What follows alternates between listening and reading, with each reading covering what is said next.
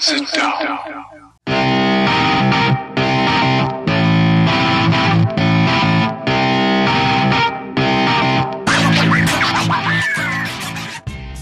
Witam wszystkich i każdego z osobna. Ja jestem Robert Kochana, to jest Kochana NBA, najbardziej nieobiektywny podcast o najlepszej koszykarskiej lidze świata. Dzisiejszy, czternasty już odcinek będę miał przyjemność poprowadzić jak zwykle w towarzystwie mojego przyjaciela Wiara. Siema Wiaro, jak ci tam mija to piątkowe popołudnie, w zasadzie wieczór już? Siema Robert, cześć wszystkim. No, bardzo przyjemnie, no wiesz, duże oczekiwania, no sezon już za pasem, już, już by mogły się te mecze zacząć, wiesz jak to jest weekend, zawsze człowiek czeka na te mecze NBA, mm, jedyne tak naprawdę okazje, żeby, żeby móc e, sobie pozwolić na to, chociaż też pewnie nie każdy może, żeby te mecze obejrzeć na żywo, także wiesz, no coraz bliżej, coraz bliżej. No tak, sezon startuje już za kilka dni. Ja się już przyznam szczerze, bardzo nie mogę go doczekać. E, no i właśnie dziś troszkę zajmiemy się tym sezonem, który, który przed nami spróbujemy przedstawić Wam nasze predykcje na to, jak będzie on wyglądał, kto zdobędzie mistrzostwo, kto zagra w finale, kto zostanie MVP i tak dalej. No ale może zanim e, przejdziemy do tego, wróćmy może troszkę do tematów, o których rozmawialiśmy w poprzednim tygodniu, bo no jednak e, troszkę się zmieniło, a jednocześnie e, w innych sprawach wcale niewiele się zmieniło, a może, może jednak też. Mm, mianowicie to, co najbardziej się zmieniło, no to Janis podpisał w końcu kontrakt z Milwaukee. Nie wiem, czy słyszałeś parę dni temu takie podmuchy wiatru o szybę, to mocno odetchnęli z ulgą w Milwaukee i aż tutaj chyba dotarło, e, bo Janis e, wreszcie zdecydował się podpisać e, to przedłużenie kontraktu, no i od razu przeszedł do historii, bo to najwyższy kontrakt w historii NBA, 228 bodajże milionów dolarów za 5 lat gry. No, Janis e, po tym, jak zaczynał e, w Grecji sprzedając e, gadżety ludziom na plaży, no, nagle stał się bardzo, bardzo, bardzo majętnym i bogatym człowiekiem, ale chyba w pełni zasłużony. Jak uważasz? No, w 100% nawet bym powiedział, w 200% zasłużony. Taki zawodnik jak Janis się trafia bardzo rzadko. To nie jest częste, żeby, żeby można było takiego zawodnika wybrać w drafcie. Jak się już trafia, no to trzeba na niego chuchać i dmuchać. Z Janisem mają też wielkie szczęście Chodzi o podejście Janisa do koszykówki. To jest wielkie szczęście moim zdaniem dla, dla fanów e, Bucks, że Janis akurat tak widzi kosza, jak widzi. Nie? Jest dla, koszykówka jest dla niego bardzo ważna, można powiedzieć, że on żyje i oddycha tym sportem. Mm, no i chce wygrywać. E, I to ta mentalność jest bardzo fajna. Mm, fajnie takiego zawodnika mieć jako swoją największą gwiazdę w zespole, e, no bo nie, nie tylko takie gwiazdy w NBA są, no, o czym pewnie dzisiaj też porozmawiamy, no bo dość powiedzieć James Harden, no i, no i pewnie fani Houston Rockets Y, mają teraz takie dość kwaśne miny, jak się wspomina to nazwisko. Także wiesz, no na pewno odetchnęli y, z ulgą. No teraz jest wielkie zadanie przed, przed y, front office'em Milwaukee. No trzeba pokazać Janisowi, że to jego zaufanie, które pokazał wobec tej drużyny, było tego warte, tak? Nie pójdzie gdzieś tam na marne i faktycznie zbudują naokoło niego drużynę, która będzie mogła się bić o mistrzostwo NBA. No, front office Milwaukee na pewno będzie się starał, żeby tak było, natomiast najpierw musi skończyć im się kac, bo, bo słyszałem, że zaraz po tym podpisaniu tego kontraktu z Janisem wystrzeliły szampany. Biuro e, wręcz zostało e, całe zalane tą szampanową e, pianką i, i pewnie teraz powolutku dochodzą do siebie. Ale tak jak już wspomniałeś, zupełnie inne nastroje w Houston. James Harden w końcu wrócił do zespołu, no i okazało się, że zamiast Jamesa Hardena wróciło półtora Jamesa Hardena, wrócił no, ze sporą, sporą nadwagą, zupełnie nie w takim koszykarskim, profesjonalnym e, kształcie, jak to mawiają. I wydaje mi się, że Houston zrobiłoby całkiem dobry interes, gdyby postanowili sprzedawać Hardena na kilogramy, bo wydaje mi się, że teraz tych kilogramów jest trochę więcej do sprzedania. Ja nie mogłem uwierzyć, jak zobaczyłem zdjęcie Jamesa Hardena w koszulce Rockets na treningu. No, fajny ponczuś z niego teraz jest. Mm, myślę, że śmiało mógłby z Zionem Williamsonem iść w zapasy. Nie, no zdecydowanie James Harden się kompletnie nie popisuje w tym sezonie. To, to jego lekceważące podejście do sezonu i w ogóle do koszykówki, no to jest właśnie to, co mówię. No Janis zupełnie inaczej na to patrzy. James Harden też fenomenalny talent, też zawodnik, który się zdarza mm, raz na ruski rok, no a jednak, nie? Ta różnica jest ogromna i myślę, że to może naprawdę zaważyć na tym, że Harden nic nigdy nie wygra, a Janis jednak ma szansę na te pierścienie w przyszłości. No ja się zastanawiam, jak się dalej potoczy kariera Jamesa Hardena. Ja rozumiem, że jakby jego boiskowe statystyki i jego boiskowe wyniki, szczególnie indywidualne, bronią jego podejścia do kosza, ale te historie, które teraz wypływają z Houston o tym, jak on podchodzi do wszystkiego, no to że nada to już mało powiedziane. No to nie dość, że jest e, no mega otyły, będąc profesjonalnym sportowcem w tym momencie, czy mega otyły jak na sportowca, tak umówmy się, no nie waży 150 kilo, ale, ale tak jak mówisz, no można by go śmiało na kilogramy sprzedawać i na pewno zarobiliby na nim krocie, no to tak, no lekceważąco kompletnie podchodzi sobie do całego tego presezonu, nie przyjeżdża, bawi się gdzieś na imprezach, a tu się jeszcze okazuje, że przez cały sezon to też było notoryczne, że spóźniał się bez przerwy na treningi, spóźniał się na sesje mm, filmowe, gdzie mm, omawiali taktykę. I to podobno do tego stopnia, że Russell Westbrook tam się wściekał i mówił, że no, no nie ma go, to go nie ma, to zaczynamy bez niego, a Mike Antoni rozkładał ręce i mówił, no, no spoko, ale jak przyjdzie to i tak to trzeba będzie wszystko robić jeszcze raz, więc no, no i takie klimaty były w Houston podobno w zeszłym roku, dlatego Westbrook powiedział, że no mimo całej sympatii, którą darzy tego gościa, który jest jego przyjacielem jeszcze tam z dawnych lat, z dzieciństwa, czy tam z, z młodości, no to grać z nim w kosza w jednej drużynie nie chce. No i nie ma się czemu dziwić. No, no nie wiem, jak ty na to patrzysz, ale przypuszczam, że bardzo podobnie, nie?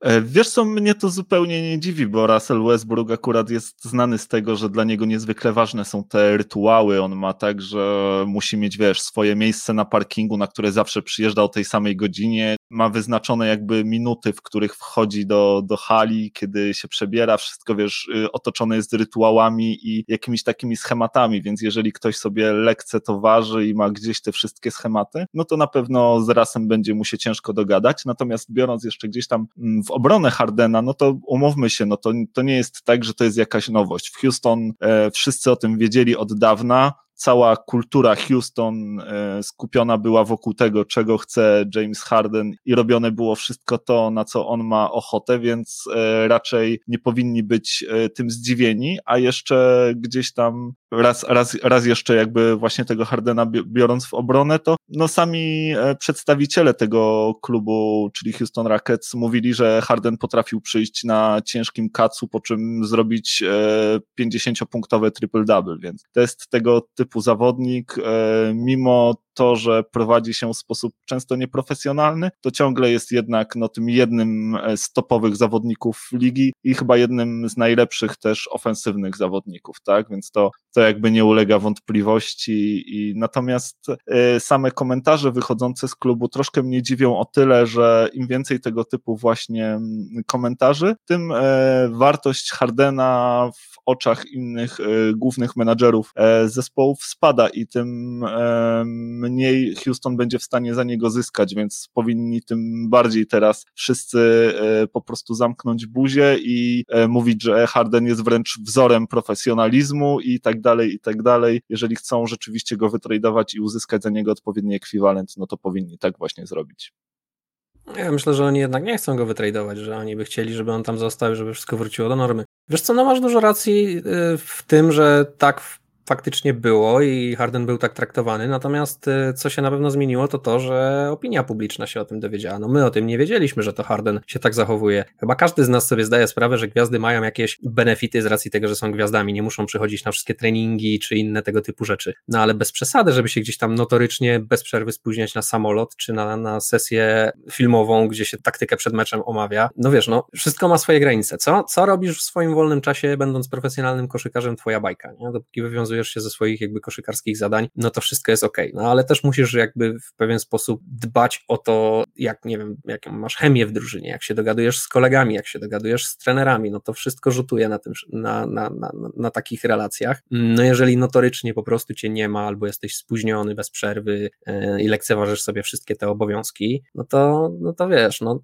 przypuszczam, że też nie na to się umawiali, nie? Że, że, to, że to nie było takie wszystko jasno i wyraźnie powiedziane, że ok, tu są twoje benefity, tyle i tyle razy możesz, nie wiem, nie przyjść, e, czy, czy, czy w inny sposób. Nie mam bladego pojęcia, jak to się na takim, na takim szczeblu rozwiązuje takie rzeczy, e, ale przypuszczam, że to nie było dogadane w żaden sposób. Przypuszczam, że to było tak, że po prostu Harden sobie na to bimba, a wszyscy mówią, ty, ale nic nie mów, bo to James Harden, nie? Dobra, słuchaj, nic nie mów, bo to James Harden. Dobra, zrobił triple-double, 50 punktów, nic, nic, tam nie odzywajmy się, nie? A to nie prowadzi do tego, żeby budować dobrą kulturę w szatni, która później prowadzi do wygrywania. E, no niewielu, niewielu, wiesz, no popatrz choćby na Rodmana, który też prowadził hulaszczy tryb życia, no ale jednak jak trzeba było, to, to, to zawsze się pojawiał i zawsze był i, i, i jednak Michael miał z nim też ciężkie spiny mm, pod kątem właśnie tego, jak, jak, jak on do tego wszystkiego podchodził. Nie? No to się z dużą jakby, dużo trzeba było poświęcić, żeby to się udało. Nie?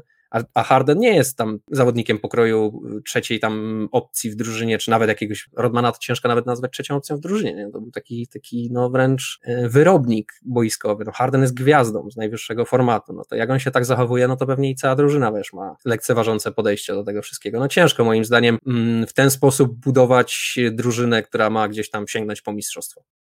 E, wiesz co, ja bym się tutaj nie chciał za, za, całą drużynę wypowiadać, bo ja jestem pewien, że tam jest mnóstwo gości, wiesz, jakichś takich weteranów ze świetną etyką pracy, czy też e, młodych zawodników, którzy walczą e, o swoje kolejne kontrakty, więc e, nie chcą bimbać sobie na treningach, więc nie, nie, nie, nie wypowiadałbym się tutaj za resztę zawodników, natomiast no, z tego co wiem, jeżeli chodzi o te gwiazdy, no to one rzeczywiście mają bardzo dużo przywilejów i to w zasadzie w każdym zespole e, tak jest. Natomiast, no wiesz, przywileje nic, nic nie oznaczają, bo, bo jeżeli e, ten, ta, ta supergwiazda jest też e, wielkim profesjonalistą, no to, to też może wyjść e, drużnie na dobre, tak? LeBron James regularnie jakby już tam bodajże od 2006 roku brał udział w ustalaniu jakby kalendarza związanego gdzieś tam z wyjazdami, z nocowaniami i tak dalej, wszystko to opiniował, no ale on też, wiesz, organizował jakieś różnego rodzaju spotkania wewnątrz drużyny, jakieś wspólne oglądanie filmów, budowanie więzi i tak dalej, i tak dalej. Russell Westbrook w Oklahoma City Thunder miał podobnie, on też jakby brał udział w ustalaniu każdego, e, każdego jakby kalendarza wyjazdu, e, kiedy, o której ma być trening, jak długo ma mniej więcej potrwać, kiedy tego treningu ma nie być, bo, bo drużyna na przykład potrzebuje odpocząć, to wszystko, mm, on w tym wszystkim jakby brał udział w ustalaniu tego, natomiast no, Russell Westbrook jest, jest świetnym profesjonalistą, tak, jest oddany e, grze w koszykówkę i, i nie było z tym żadnego problemu, no a, a w przypadku Hardena był z tym problem, no bo on dokładnie tak samo jak ci zawodnicy, też e, władze Houston dały mu ten kalendarz do ręki i powiedziały, no tutaj powiedz, kiedy będziemy trenować, kiedy nie będziemy trenować, no i Harden e, zaczął sobie myśleć, hmm, no to jak tu byśmy nie potrenowali, to ja bym mógł sobie lecieć do Las Vegas na dwa dni wtedy, bym sobie mógł wrócić do Houston na trening po tych dwóch dniach. I on względem tego, wiesz, nie względem dobra drużyny, tylko względem własnego dobra, własnych chęci rozrywki i zabawy, ten kalendarz ustalał łącznie z treningami i tak dalej, a kiedy te treningi już były, on się, on się jeszcze raczył na nie spóźniać, więc e, tak naprawdę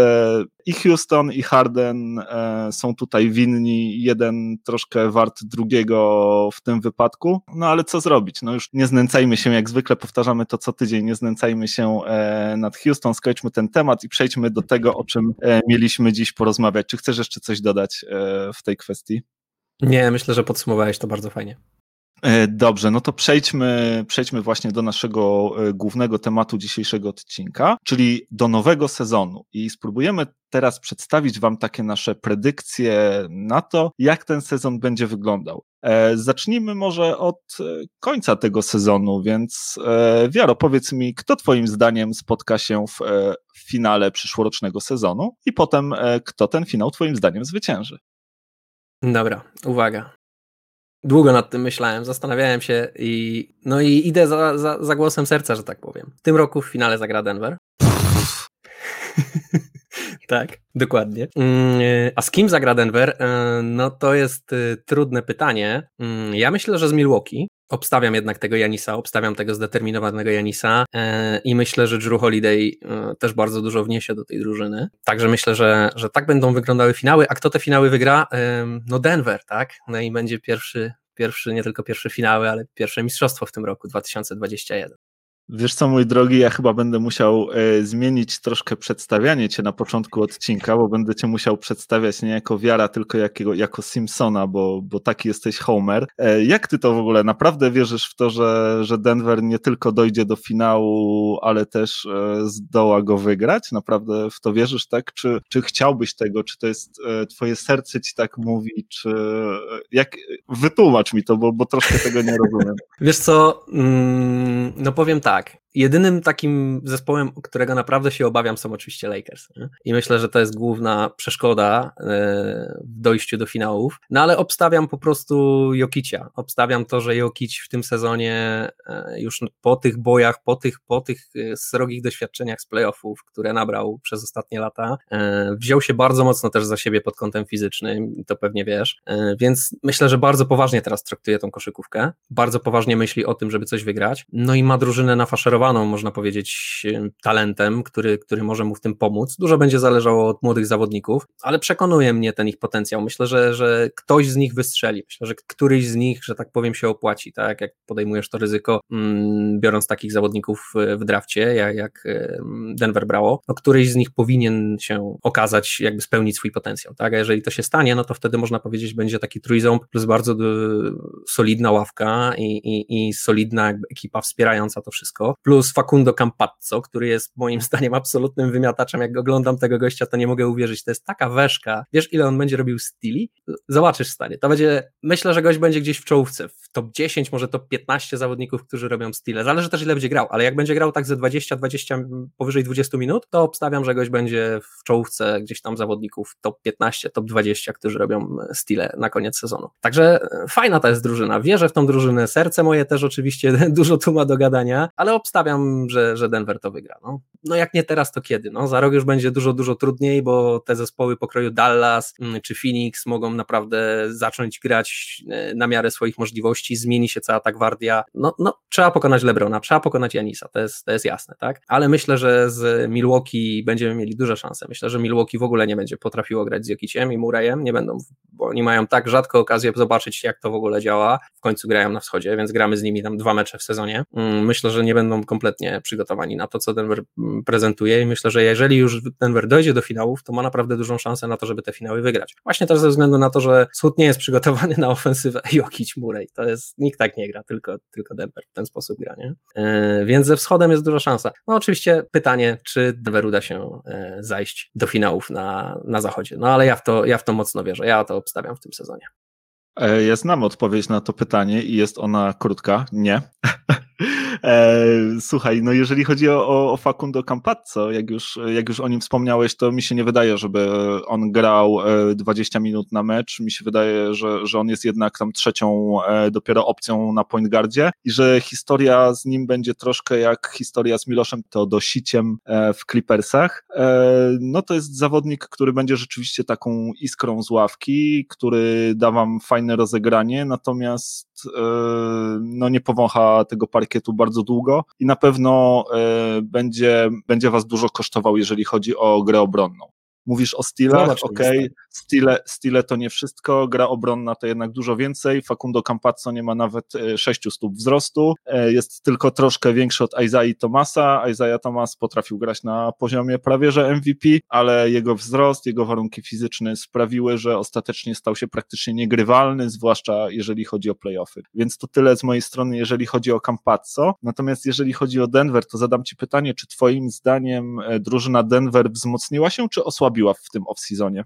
Mm, nie no, e, osłabiła się pod kątem na pewno defensywnym, tak? To już rozmawialiśmy o tym, nie mamy, nie mamy stoperów, tak? Mm, no, i właśnie, no i właśnie do tego troszkę chciałem nawiązać. Moim zdaniem też Denver trochę się osłabiło i biorąc pod uwagę to, że Lakersi zlali was 4-1 e, w tej serii, a wy jesteście jeszcze jakby troszkę słabsi, wiadomo, rok bardziej doświadczeni, to jest młody zespół, on dojrzewa, ja to wszystko rozumiem, biorę to pod uwagę, natomiast no nie wydaje mi się, żebyście w starciu, no kto wie, może y, z Lakersami się nie spotkacie, wiesz, te, te ścieżki playoffowe mogą być różne. E, natomiast no jeżeli spotkacie się z Lakersami, to nie daje wam e, dużych szans, a jeżeli już nawet e, udałoby się wam ich przejść i rzeczywiście traficie na Milwaukee w finale, ty mówisz, że Milwaukee nie jest nauczone tego, jak grać z wami, waszej ofensywy i tak dalej, i tak dalej. Natomiast powiedz mi, kto u was w zespole będzie w stanie zatrzymać Janisa? Jokic. Jakiś wystarczy, że pod koszem stanie i już zatrzyma Janisa. E, wiesz co, e, Janis chyba jest w stanie przeskoczyć Jokicia, jeśli się nie mylę, biorąc pod uwagę atletyczność e, tego zawodnika. No ja rozumiem. Jak go, będzie, jak go przeskoczy w każdej akcji i faktycznie tak będzie, no to wiesz. No, ja obstawiam Denver. Może, ja nie mówię, wiesz, nie ma. Słuchaj, no to są przewidywania, obstawiamy sobie, jak to będzie wyglądało, tak? Każdy ma jakieś tam argumenty, z którymi się podpiera. Zapewne, mm, jak ktoś by chciał po prostu popatrzeć sobie na to, kto ma największe szanse na, na wygranie mistrza, no to najbardziej pewne są za e, typy bukmacherskie, tak? Więc myślę, że to tam należy takich, tak, takie osoby odesłać. Natomiast e, moim skromnym zdaniem, Denver ma jak najbardziej duże szanse na to, żeby coś w tym e, sezonie zdziałać, a z racji tego, że jestem kibicem Denver, Denver, no to wierzę w mój zespół i obstawiam mój zespół i trzymam za nich kciuki. E, no i myślę, że jak dojdzie do tej konfrontacji w finale, no to, to, to wygramy w tym roku. Mam naprawdę wiele przesłanek, które każą mi tak, tak myśleć. Mam też wiele przesłanek, e, które każą mi myśleć inaczej, ale jakby nie zawracam sobie nimi głowy i staram się ich nie zauważać. E, jasne, rozumiem cię jak najbardziej. Też nie miej mi za złe, nie? Wiadomo, to są predykcje, nie wiemy jak, jak to wszystko będzie wyglądać, wiesz, niewykluczone, że za rok, kiedy ty będziesz e, świętował mistrzostwo z Denver, ktoś rzuci mi tym odcinkiem w twarz i powie ha, ha, ha, popatrz, popatrz, jakim jesteś głupim ciulem i, i, i jak to się nie znasz, tak? Nie wiemy, co będzie za rok, wiadomo, bawimy się w przewidywania, może być różnie. Natomiast jeżeli chodzi o moje przewidywania, one są chyba troszkę jednak bliższe tym typom bukmacherskim, o których wspomniałeś, no bo jednak e, bardzo ciężko mi nie postawić na zachodzie na Lakers. Przede wszystkim dlatego, że po pierwsze nigdy nie wolno lekceważyć e, serca mistrzów. Lakersi to aktualni mistrzowie. Wydaje mi się, że mają jakby wszelkie argumenty ku temu, żeby, żeby sięgnąć po tę, po tę koronę, czy, czy po ten finał po raz kolejny. Do tego jeszcze wzmocnili e, swoją drużynę.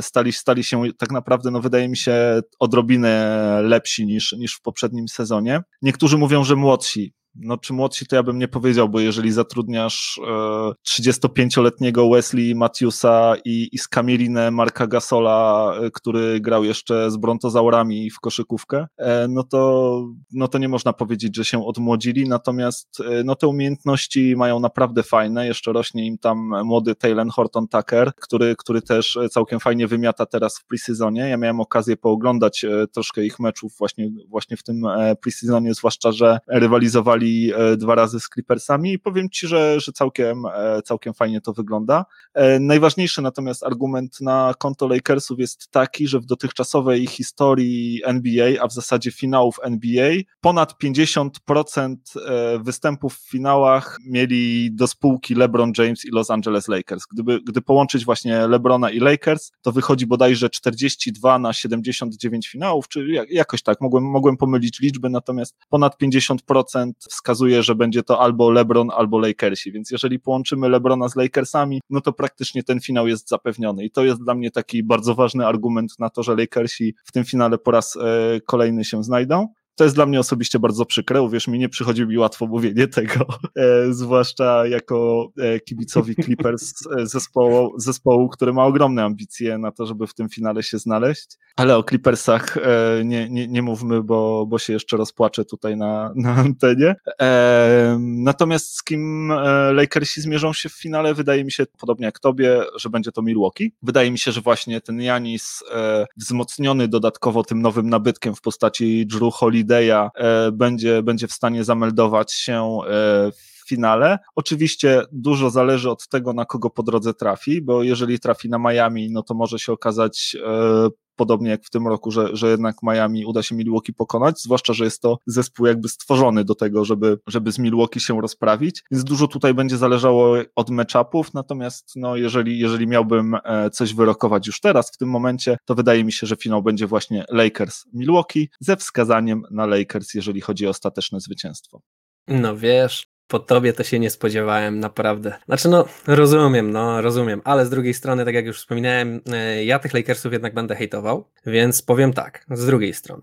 LeBron ma już swoje lata, nie wiadomo jak to będzie. Być może to już jest ten sezon, w którym zacznie się psuć i zacznie coś już nie siedzieć tak jak siedzi. No jednak ta jego atletyczność, ogrom mm, jego gry stanowi do dziś dnia. Bardziej już w tym momencie na takiej zasadzie, że on się po prostu rozpędza i, nikt nie jest w stanie go zatrzymać. No ale wciąż. Myślę, że mm, jak najbardziej możemy liczyć na to, że po jego dziewiętnastym sezonie zacznie w końcu zwalniać i zaczniemy zamiast tego jego standardowego 28-9-9 mm, widzieć coś pokroju nie wiem, 23, 7, 7 albo 23, 7, 10, bo akurat asyst może robić dobrze. No i zobaczymy, jak będzie z jego grą w obronie, tak? Teraz tak, Antony Davis. O Antonym Davisie wszyscy się tu rozpływają, że teraz jak już wygrał mistrza, no to będzie nie wiadomo co z niego i tak dalej. Ja wciąż uważam, że on bez LeBrona Jamesa niewiele udowodnił i niewiele pokazał i ja wciąż czekam na to, aż to, moim zdaniem no, on nie jest bigmanem nawet. To jest takie, takie, to jest bardzo dziwny hybrydowy zawodnik i ja wciąż czekam na to, żeby on osiągnął ten swój pełny potencjał, bo ja wciąż uważam, że on jest taki trochę niekomfortowo się czuje na boisku. Do końca chyba sam nie wie, co on chce grać, nie? jakim on chce być zawodnikiem i co on chce na tym boisku robić.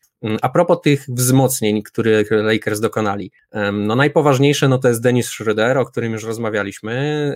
Wciąż mnie ten gość nie przekonuje, wciąż będę obstawiał, że jemu jest bliżej do Reggie'ego Jacksona niż do Rajana Rondo. Wzmocnili się też Trezem Harelem, tak, ale jak już powie, powiedziałem też ostatnio, czy, czy, czy poprzednio nawet, to jest akurat y, dla mnie osobiście bardzo dobra informacja, bo ja się bardzo cieszę, że Harel będzie miał znowu okazję kryć Jokicia w playoffach młodsi mówisz, że się stali. No młodsi, bo, bo faktycznie znaleźli jednego e, nowego, w miarę nowego młodzika, tak, który teraz w presezonie coś tam pograł i coś tam zaprezentował. Zapewne w sezonie zasadniczym, jak większość takich młodzików, którzy gdzieś tam wybuchają w, w lidze znikąd, w presezonie nie powącha parkietu i za wiele nie pokaże, a jak będą mecze o coś, no to, to jednak będą stawiać na tych weteranów. A ci weterani, tacy jak e, choćby Wes Matthews, też już możemy się śmiało dopatrywać, że po tylu kontuzjach i po tylu przygodach, jakie on miał, to już jest trochę wrak tego zawodnika, którym był kiedyś. Mm, także wiesz, każda moneta ma dwie strony, zawsze można patrzeć z tej drugiej na, na wszystko. No i ja się właśnie staram z tej strony właśnie patrzeć na Lakersów. E, wiesz co, ja też z tej strony patrzyłem, dopóki nie zobaczyłem e, ostatniego ich meczu w e, presezonie i no, LeBron, nie, LeBron, no jasne, zdaję sobie sprawę z tego, nie wyrokuje na tej podstawie za dużo, natomiast e, zobaczyłem w jakiej formie mniej więcej jest LeBron. Wiesz, to jest gość, który ok, on traci na swojej atletyczności, on e, traci na swojej szybkości i skoczności, ale jednak z każdym rokiem rozwija się coraz bardziej koszykarsko. Ten jego baseline turnaround e, fadeaway e, jumper, który po prostu ostatnio sobie ukochał, no to jest e, broń, z którą ciężko się będzie komukolwiek mierzyć, tak? To jest gość, który coraz, coraz pewniej czuje się na, na linii rzutów za trzy. Pewnie, zobaczymy, jak najbardziej. Wesley Matthews, też jak zobaczyłem fast break w wykonaniu LeBrona Jamesa i Wesley Matthewsa, gdzie sobie po prostu podawali piłeczkę, wiesz, jeden do drugiego, jeden do drugiego i obrona nie wiedziała nic, po czym Wesley Matthews nie trafił layupa, a LeBron James e, zakończył to putbackiem, e, no to wiesz, no to, to, to naprawdę wyglądało to e, bardzo fajnie. Jeżeli chodzi o Horton Tuckera, to nie jest do końca taki młodzik z tego sezonu, bo to jest gość, który pograł już całkiem sporo w ostatnim NBA Bubble. To jest zawodnik, który w tamtym sezonie występował w drużynie G League e, Lakersów, natomiast wyrastał mocno ponad poziom e, G League. E, próbowali go już Lakersi właśnie z ławki wpuszczać w tamtym sezonie. Ja nie mówię, że to będzie jakiś game changer i tak dalej. Natomiast jest to jakby kolejny, kolejny solidny punkt na ławce a tych weteranów mają naprawdę solidnych i nie wydaje mi się też, żeby to miało być tak, że nie ciesz się za bardzo, że, że tutaj um, Montrezl Harrell będzie krył Jokicia w playoffach. Oj nie, nie, nie, nie, nie. Nie wydaje mi się, wydaje mi się, że e, jeżeli chodzi o Jokicia, to będzie go, zacznie go kryć Mark Gasol, po czym e, zmieni się to na Antonego Davisa, więc akurat dwóch e, świetnych defensywnie zawodników, z którymi Jokic być może będzie miał bardzo duże problemy, więc tutaj nie, na twoim nie, miejscu... Nie, nie będzie miał, stary, nie, nie, to Anthony Davis jest za mały, żeby Jokicia kryć, a Mark Gasol ma, nie wiem, 78 lat. Nie przesadzajmy, że Mark Gasol będzie w stanie zatrzymać Jokicia. Ilu masz? Jokic to jest, jak nie najlepszy, to drugi najlepszy center w NBA. I ponad niego kogo postawisz? Embida? No właśnie, wszystko zależy od tego, czy uważamy Antonego Davisa za centra, tak? Nie, jak to... To tak jak Draymond Green. Draymond Green nie jest centrem. To, że gra na centrze, to nie znaczy, że jest centrem. Inaczej, czy Anthony Davis jest twoim zdaniem w stanie zatrzymać Jokicia? Tak. Antony Davis jest moim zdaniem I w stanie zatrzymać. Też? Tak, Antony Davis jest moim zdaniem w stanie zatrzymać każdego zawodnika w tej lidze od pozycji 1 do pozycji 5 no to ja się absolutnie z tym nie zgadzam. E, moim zdaniem go kompletnie przeceniasz. To nie jest ten, to nie, to, to, nie wiem po czym, po czym ludzie wnoszą, że on jest taki, taki, taki niesamowicie fantastyczny. Moim zdaniem Durant jest lepszym obrońcą od niego. E, no może nie jest lepszym obrońcą od niego, ale Durant jest porównywalnym obrońcą do niego. To nie jest, to nie jest ten typ obrońcy. Jeden na jeden na wielkiego, ogromnego zawodnika. No to ja i obstawiam Embida przeciwko niemu i obstawiam Jokicia przeciwko niemu. Jasne, na, jest świetnym zawodnikiem na switchu fantastycznym. Jak się zmieni na pick and rollu na jakiegoś mniejszego zawodnika, to koniec. To tylko Steph Curry, czy jakiś naprawdę turbo niesamowity dribbler jest w stanie go ograć i, i, i wyprowadzić na, się na dobrą pozycję, oddać jakiś sensowny rzut z tego, tak? Czy tam zrobić jakąś sensowną akcję. Ale w, w, nie, on, on też jest świetny z tego względu, że nie ma teraz takich centrów. Nie? Jest Jokic i jest Embiid. No i cała reszta centrów, no to właśnie są centry, no jeszcze, jeszcze kto? Dramond, który, którego już dawno nie widzieliśmy w graniu o cokolwiek. Mało jest takich zawodników, więc Antony Davis też nie ma okazji, żeby takich zawodników kryć, więc się mówi o tym, jaki, że on może kryć spokojnie pozycję 1 do 5. Ale moim zdaniem Embiid czy Jokic to go zjedzą po prostu pod koszem. No wiesz co, jeżeli nie bierzemy pod uwagę Antonego Davisa jako centra i umówmy się, że gdzieś tam zgadzamy się, że, że nie jest on nominalnym centrem, to rzeczywiście moim zdaniem Jokic jest najlepszym centrem w NBA. E, jeżeli Embiid e, nie jest w swoim najlepszym kształcie takim profesjonalnym, tak, jeżeli, jeżeli Embiid e, przybiera na wadze, no to moim zdaniem jest drugim i trzecim najlepszym centrem w NBA, jeżeli jest e, taki grobiutki, bo, bo, bo, bo wtedy zajmuje właśnie dwa miejsca. No a dalej rzeczywiście e, już można szukać. Natomiast no może e, zostawmy na razie tego Antonego Davisa, kto wie, może, może się pojawi jeszcze w dalszej dyskusji, bo właśnie chciałbym cię zapytać o to, kto twoim zdaniem zostanie MVP w przyszłym sezonie. O, to jest to jest akurat trudniejsze pytanie. Też się zastanawiałem nad tym jakiś czas. No i też trochę homersko się tu zachowam i obstawię lukę. Myślę, że to jest jego sezon. Myślę, że w tym sezonie będzie robił takie numery, że już nam wszystkim po prostu ściana opadnie i stwierdzimy, że no, no sorry, no trzeba mu dać MVP. Po prostu takich rzeczy nie robił nikt nigdy wcześniej przed nim. Nie? Także myślę, że to jest. Będzie miał kilku konkurentów, e, ale myślę, że, że docelowo Luka dowiezie to MVP w tym sezonie. Też ma drużynę taką, która powinna się bić o playoffy, powinni być dość wysoko, mieć tych wygranych na tyle dużo, żeby też ci analitycy, którzy, czy też głosujący, którzy gdzieś wysoko sobie właśnie bardzo cenią wygrywanie tej drużyny całej, twojej jakby, przy oddawaniu głosów na MVP, to też, też będą mogli e, czystym sercem właśnie oddać głosy na, na Lukę. A ty co myślisz?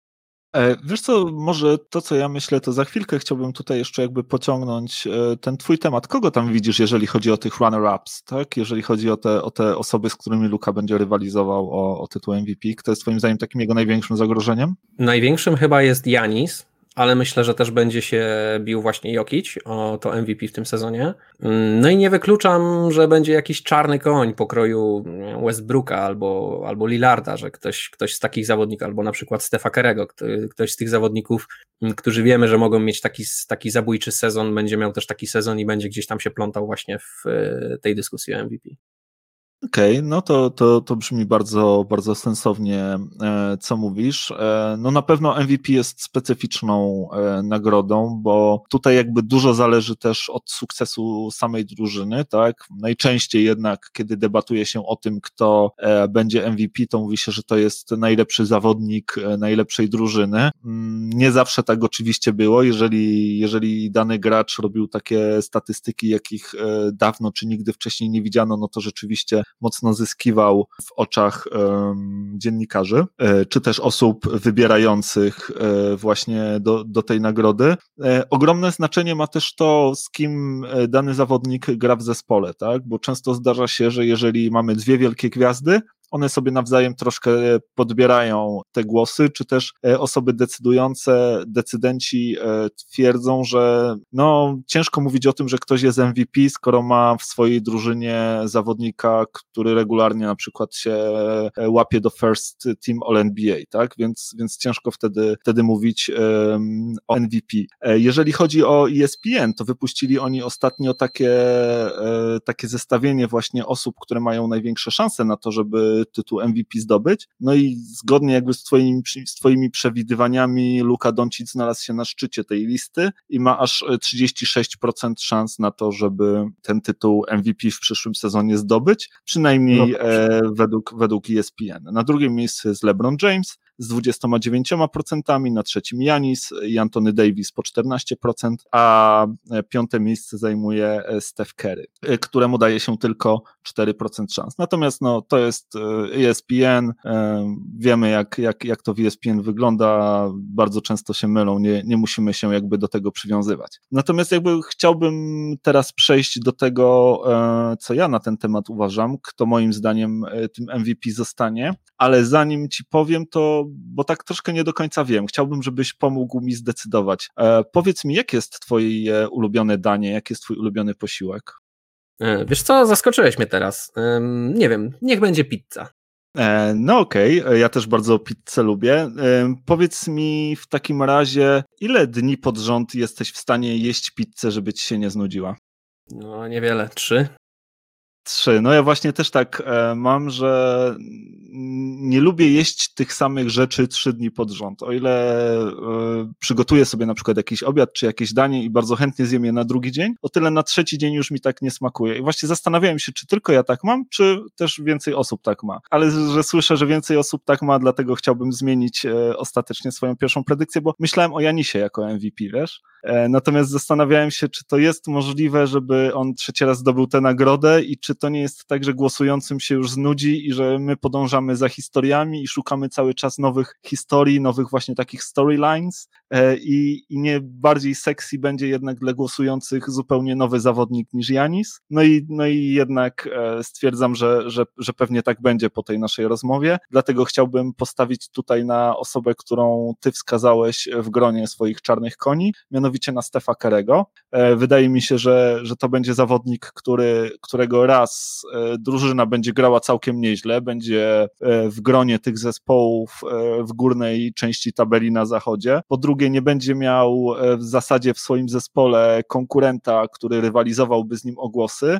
Nie ma Kleja Thompsona, więc ta rola Stefa Kerego będzie dużo większa. On dużo częściej będzie miał piłkę w swoich rękach, będzie mógł oddawać dużo więcej rzutów. A pamiętajmy, że to jest zawodnik, który chyba w przeciągu swojej dziesięcioletniej kariery tylko raz rzucał poniżej 40% e, za trzy i to było tylko w poprzednim sezonie, który zagrał niepełny, bo, bo miał tą kontuzję ręki. Ja widziałem Stefa Kerego też we wczorajszym meczu, bo też miałem okazję sobie obejrzeć troszkę, e, troszkę tego spotkania, gdzie zdobył 29 punktów, gdzie wyglądał jak ten Stef Kerry ze swoich najlepszych lat, gdzie rzucał po prostu z każdej pozycji, robił co chciał. On też już przyzwyczaił się do tej nowej hali po przeprowadzce. To jest zawodnik, który też, dla którego też bardzo ważne były te różnego rodzaju rutyny. On na przykład miał e, jedną z tych rutyn było oddawanie e, rzutu e, z drogi prowadzącej już do szatni, tam z tunelu, e, bardzo, bardzo daleko od kosza, zupełnie z boku. On bardzo lubił właśnie oddawać stamtąd rzuty i trafiać jako, taki, jako taką swoją właśnie rutynę przedmeczową. No i widziałem, że już się zaadoptował do tego nowego budynku, że już trafia właśnie te swoje tunnel shoty, że wraca, wraca do siebie i wydaje mi się, że,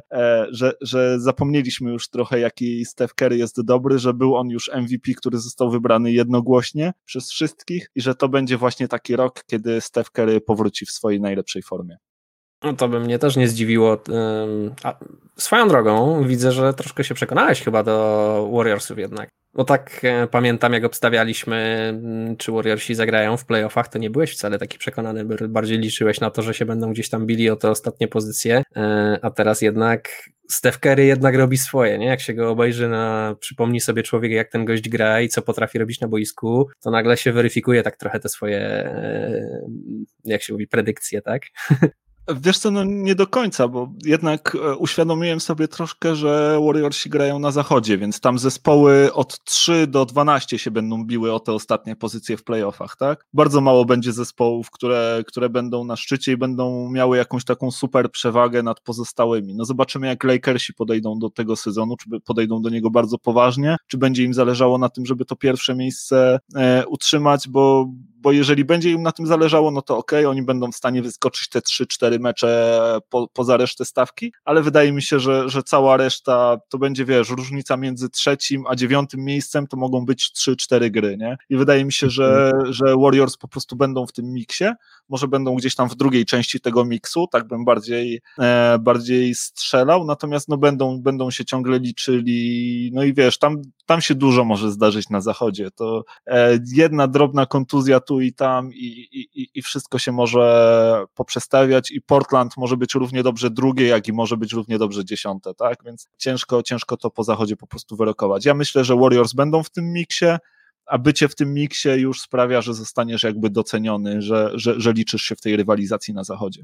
No ja się z tym, z tym kompletnie zgadzam, co mówisz. No, dokładnie tak jest moim zdaniem, że właśnie jak jesteś w tym miksie, to to już wystarczy, żeby mówili o tobie gdzieś tam w kontekście nagrody MVP. O ile oczywiście grasz jakiś taki naprawdę turbo sezon, tak? Mm, nie każdy jest skłonny, żeby taki, bo nie każdy jest zdolny, żeby taki sezon zagrać, ale no Steph Curry już to udowodnił nie raz, więc y, to jest taki, jak mówię, czarny koń, ale akurat z tych czarnych koni chyba Steph Curry jest właśnie takim najbardziej prawdopodobnym wyborem, jakby już miał strzelać w kogoś spoza tej powiedzmy trójki czy czwórki, o której wspomnieliśmy wcześniej, to właśnie w Stefa Curry'ego. No ja mam właśnie podobnie. E, wiesz co, tak jeszcze wrócę do, do, do troszkę poprzedniego tematu, bo właśnie otworzyłem sobie tutaj stronę z e, szansami na tytuł, jeżeli chodzi o drużyny, jak to, jak to się no. E, według, według ESPN przynajmniej kształtuje. Otóż Los Angeles Lakers mają 86% szans według ESPN na to, że wygrają tytuł. Milwaukee Bucks i Los Angeles Clippers mają po 7% szans, mhm. a cała reszta zespołów ma poniżej 1%, E, tutaj na czwartym i piątym miejscu zostały wymienione Brooklyn Nets i Miami Heat jako te drużyny mające największe szanse, więc e, Denver tutaj w ogóle nie ma na tej liście. Według ESPN ich szanse są zdecydowanie poniżej 1% i, i nawet gdzieś tam e, nie zostali uwzględnieni. Natomiast ja jakby rozumiem też twoje, twoje serce kibica, no jakby szanuję to, a, a, a ten podcast też jest taki, że, że mamy jak najbardziej szansę na to, żeby swoje własne opinie tutaj przedstawić i może nawet próbować to troszkę zaczarować rzeczywistość, bo to chyba też umiemy. E, dobra, słuchaj, przejdźmy do ostatniej z naszej, z naszej predykcji dzisiejszych. Um, czyli do tego, kto wygra e, Rookie of the Year w przyszłym sezonie. E, ta klasa nie jest podobno zbyt, zbyt fajna, zbyt ciekawa, natomiast no jest parę, parę fajnych nazwisk. Kto Twoim zdaniem będzie najlepszym pierwszoroczniakiem w przyszłym sezonie? To jest naprawdę trudne pytanie, no bo tych pierwszoroczniaków mamy jakich mamy, nie?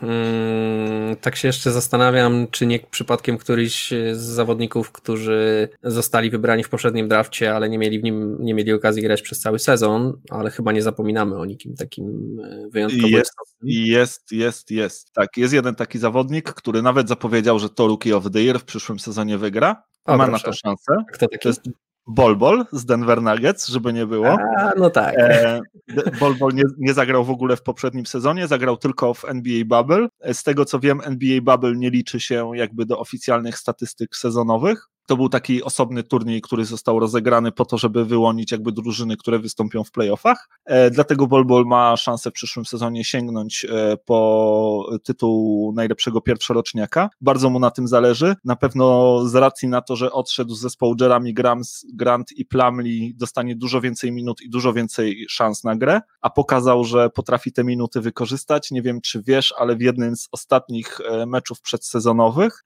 bodajże w 10 10 minut zdobył 16 punktów, jakoś, jak, jakoś tak, czy, czy, czy 10 punktów w 6 minut, no w każdym razie y, rzucił tam chyba dwie trójki i dwie dwójki w czterech kolejnych akcjach praktycznie, e, do tego popisywał się bardzo e, fajnymi akcjami w obronie, więc e, no kto no wie, jeżeli jest, jest, jest na to szansa. Natomiast od razu też zdradzę, to nie jest mój faworyt do tego tytułu. Ale przekaż może jak, kto twoim zdaniem wygra? Nie, no tak się właśnie zastanawiam, ale chyba tutaj nie będę wielce oryginalny, tak samo jak przewidywałem, że Anthony Edwards y, będzie najlepszym zawodnikiem z tego draftu, tak i przewiduję, że zagra najlepszy sezon z tych rukich, aczkolwiek wybrała go Minnesota, więc nie wiem, co mam myśleć o tym drafcie. Naprawdę, tutaj, gdzie byś nie popatrzył, to nie ma jakiegoś takiego talentu, który by cię zachwycał. No jest Lamelo Ball w Charlotte, ale czy Lamelo Ball będzie, on będzie miał takie mecze, jak, jak, jak, jak już miewał w tym presezonie, tak? W jednym meczu będzie miał 0 punktów, 6 asyst, w następnym meczu będzie miał 15 punktów, 4 asysty, no on będzie grał tak w kratkę strasznie. No, czy, to jest, czy to jest zawodnik, który zdobędzie Rookie of the Year? Ciężko wyrokować. Ball Ball, zobaczymy ile Ball Ball pogra.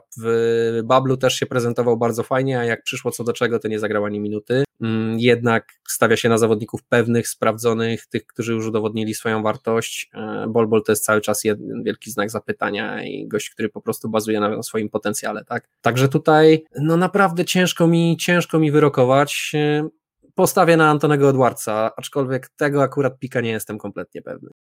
E, no, absolutnie Cię rozumiem. E, ja tutaj chciałbym postawić na drugą osobę, o której wspomniałeś, czyli właśnie na, na Lamelo Bola, e, z kilku względów. Po pierwsze, nie wydaje mi się, żeby on miał grać aż tak w kratkę, że ten mecz, o którym mówisz, zero punktów, to był jego pierwszy mecz, w którym on też wchodził z ławki. Wydaje mi się, że to jest zawodnik, który ze wszystkich rukich dostanie najwięcej szans na grę, dostanie najwięcej minut, dostanie klucze do franczyzy, dostanie piłkę do swojej ręki, to on będzie dyrygował akcjami tego zespołu przynajmniej po tym, tym, co, co zobaczyłem w tych pierwszych grach i e, jakie wydaje mi się dostanie zaufanie od e, sztabu trenerskiego, więc będzie miał dużo jakby szans na pokazanie się, będzie miał e, możliwości zrobienia naprawdę fajnych statystyk. Do tego jest to gracz niesamowicie elektryzujący. To jest gość, który po prostu widzi wszystko na boisku, podania za plecami, rzucania alejupów. To jego włas, własni koledzy z zespołu łapią się za głowę, jak on ich czasami potrafi właśnie znaleźć i, i dostrzec w dogodnej sytuacji. Jego rzut wygląda absolutnie fatalnie, natomiast te trójki siedzą. On ma też taki swój swag, że już, już tam potrafi się obrócić, wiesz, do, do przeciwnej ławki i, i popyszczyć trochę, jak ta trójka z rogu siądzie. Więc e, wydaje mi się, że, że to są powody, z, w związku z którymi on po to Rookie of Year sięgnie. Kolejnym powodem jest jeszcze to, że Charlotte okay, nie są może jakąś super drużyną, ale mają szansę e, znaleźć się gdzieś tam w tym kręgu bijącym się o ten turniej play-in i, i walkę o playoffy, tak? Podpisali Gordona Haywarda, ten skład mają taki młody, ale, ale dorastający, naprawdę ciekawy. Wschód jest jednak wschodem i, i te zespoły mm, powiedzmy po, poniżej ósmego czy tam szóstego miejsca są do siebie bardzo podobne, mogą, mogą ze sobą walczyć jak e, równy z równym. Jeżeli chodzi o Minnesotę, no to Minnesota jest na zachodzie. E, wydaje mi się, że będzie grała słabo, że będzie tam dostawała baty prawie od każdego, a do tego Wiseman, mimo że też wydaje mi się, że będzie grał swoje minuty, że też będzie grał e, już niedługo w pierwszym składzie, no to jednak nie będzie pierwszą opcją w ataku, jednak ta piłka będzie najpierw szukała Kata, potem D'Angelo Russella, więc, więc Antony Edwards może mieć tych okazji e, troszkę mniej, jego zespół będzie miał wygranych troszkę mniej i nie, nie mówię, że e, jest Antony Edwards gorszym zawodnikiem niż Lamelo Ball, mówię, że wydaje mi się, że z tego powodu e, ta nagroda trafi w ręce właśnie Lamelo Bola, więc dla mnie, dla mnie ten wyścig tak naprawdę ostatecznie będzie pomiędzy Bolem a Bolbolem, więc taki bol, bol, bol, jeżeli chodzi o, o ten wyścig Rookie of the Year w przyszłym sezonie. nie będzie wygrał, naprawdę nie będzie grał 15 minut na, me na, na mecz. Nie, nie mówiąc o tym, że wygrał 20 albo 25 i bił się o Rookie of the Year. E, no zobaczymy. Na pewno jeżeli chodzi o e, predykcję ESPN, to, to nie znajduje się w ogóle w, w top 5. E, pierwsze miejsce zajmuje tam właśnie Lamelo Ball, daje mu się 36% szans na to, że zostanie Rookie of the Year. Na drugim miejscu jest James Wiseman, Golden State Warriors. On też ma szansę pograć troszkę w tym Golden State, ma szansę się pokazać z fajnej strony w drużynie, która będzie sporo jednak wygrywać. Jemu daje się 21% szans. Antony Edwards jest na trzecim miejscu z 11 11% wynikiem, więc no, wydaje się, że to jest ta trójka, która e, gdzieś e, będzie rywalizowała między sobą. Ja jeżeli miałbym wskazać jeszcze swojego czarnego konia, to to będzie Killian Hayes e, rozgrywający Detroit Pistons. No powiem tak, dla mnie ten ranking ESPN brzmi trochę tak, jak my byśmy go układali, czyli zasadniczo chłopaki z ESPN wiedzą tyle, co i my, czyli nikt nic nie wie, więc żadnych, że tak powiem, niespodzianek. Ale od, pozwól, że odniosę się do tego, co powiedziałeś na temat Lamelo Bola. No, powiem ci stary tak, no, piątka z plusem za to, jak próbowałeś mi sprzedać jego akcję, nie? Pięknie wyjąłeś wszystkie jego, można powiedzieć, najlepsze e, rzeczy na wierzch i ukryłeś wszystkie jego mm, że tak powiem, niedociągnięcia tego zawodnika, ale z przykrością muszę ci stwierdzić, że wciąż nie kupuję akcji tego, tego gościa. No, ja nie widzę tego jego rewelacyjnego rozgrywania. No, co to pierwszy zawodnik, który rzuca alejupy albo podaje piłkę za plecami? No mamy takich wielu. Jak mi pokażesz w końcu zawodnika, który potrafi rozgrywać piłkę jak Jokić, no to wtedy faktycznie stwierdzę, o kurde, ten gość to ma jakiś taki zmysł do, do podawania. Widzi wszystko na tym boisku, podaje jak chce. To już nawet Trey Young mnie bardziej przekonuje jako wybitny paser niż, niż mnie przekonuje Lamelo. Lamelo to jest dla mnie gość, który po prostu stara się podać flashy, tak? Stara się podać widowiskowo, ale żeby on był jakiś taki wielce, widział wszystko na tym boisku i był jakiś taki ten. No a jego rzut, no to to, co powiedziałeś, ja nie wiem, że to siedzi. To siedzi w bardzo wąskiej próbie na razie. To, że on, wiesz, ile on tych trójek rzucił w tych trzech meczach? 20? 30? Co to jest za próba, nie? Zobaczymy na koniec sezonu, jaką będzie miał skuteczność. Czy będzie to 38%, czy 28%. No i wtedy będziemy mogli stwierdzić, czy ten jego rzut siedzi, czy nie siedzi. Wygląda fatalnie, nie? Wygląda tragicznie ten jego rzut. Więc ja wciąż nie jestem przekonany. Mnie się wydaje, że on w ogóle kompletnie poważnie do tego grania w kosza nie podchodzi. On, to się tak bardziej bawi na tym boisku, no i mu się wydaje, że on jest gwiazdą i on się trochę bawi w gwiazdę. No, zobaczymy, co z tego będzie. Tak jak mówię, ja jego akcji nie kupuję. Mimo, że tak jak tak jak też wspomniałem, piątka z plusem, bo starałeś się, no, świetną robotę odwaliłeś. No, jeżeli ci zapłacił za to, to, to, to dobrze wydał pieniądze. Słuchaj, żeby nie było, ja tutaj stanę w swojej obronie, e, bo o ile staramy się tutaj rzucać predykcjami, a robimy to po to, no dajemy takie predykcje, które naszym zdaniem się na koniec sprawdzą. O tyle ja w żadnym wypadku nie zamierzałem sprzedawać ci Lamelo Bola, bo ja go absolutnie też nie kupuję i nie, ja, ja, go nie kupiłem też, y, że, żeby ci go sprzedawać. Mi, mi wystarczyło, jak zobaczyłem, e, na co ten zawodnik e, wydał swój, swój, swoje pierwsze pieniądze zarobione w NBA i, i jak zobaczyłem, że kupił za te pieniądze e, diamentowego grilla na zęby i pochwalił się tym na swoim Instagramie, to mi opadły ręce i, i wiesz. No właśnie. E, do, do, dostałem taki opad szczęki, jakbym, jakbym sam miał co najmniej żeliwnego grilla na, na, na, na właśnie dolnej szczęce, więc ja absolutnie tego zawodnika nie kupuję. Mówię troszkę o tym, co widziałem w tych meczach przedsezonowych, bo staram się je oglądać i, i co mi się wydaje tak, że, że gdzieś tam stanie się w przyszłości. Natomiast e, ja nie kupuję akcji e, Lamelo Bola w żadnym wypadku. Więc no, tyle. Rozumiem. E, a cóż, a my, my już kończymy dzisiaj powolutku. Dziękujemy bardzo, że byliście z nami. E, oczywiście w każdej sprawie możecie pisać do nas na kontakt małpka.kochana.nba.pl. Możecie nas, te, nas też znaleźć na Facebooku i tam też zachęcamy, żebyście się do nas odzywali. A tymczasem e, żegnamy się z wami i dziękujemy za uwagę i pozdrawiamy was ciepło. Hej! Trzymajcie się, do usłyszenia.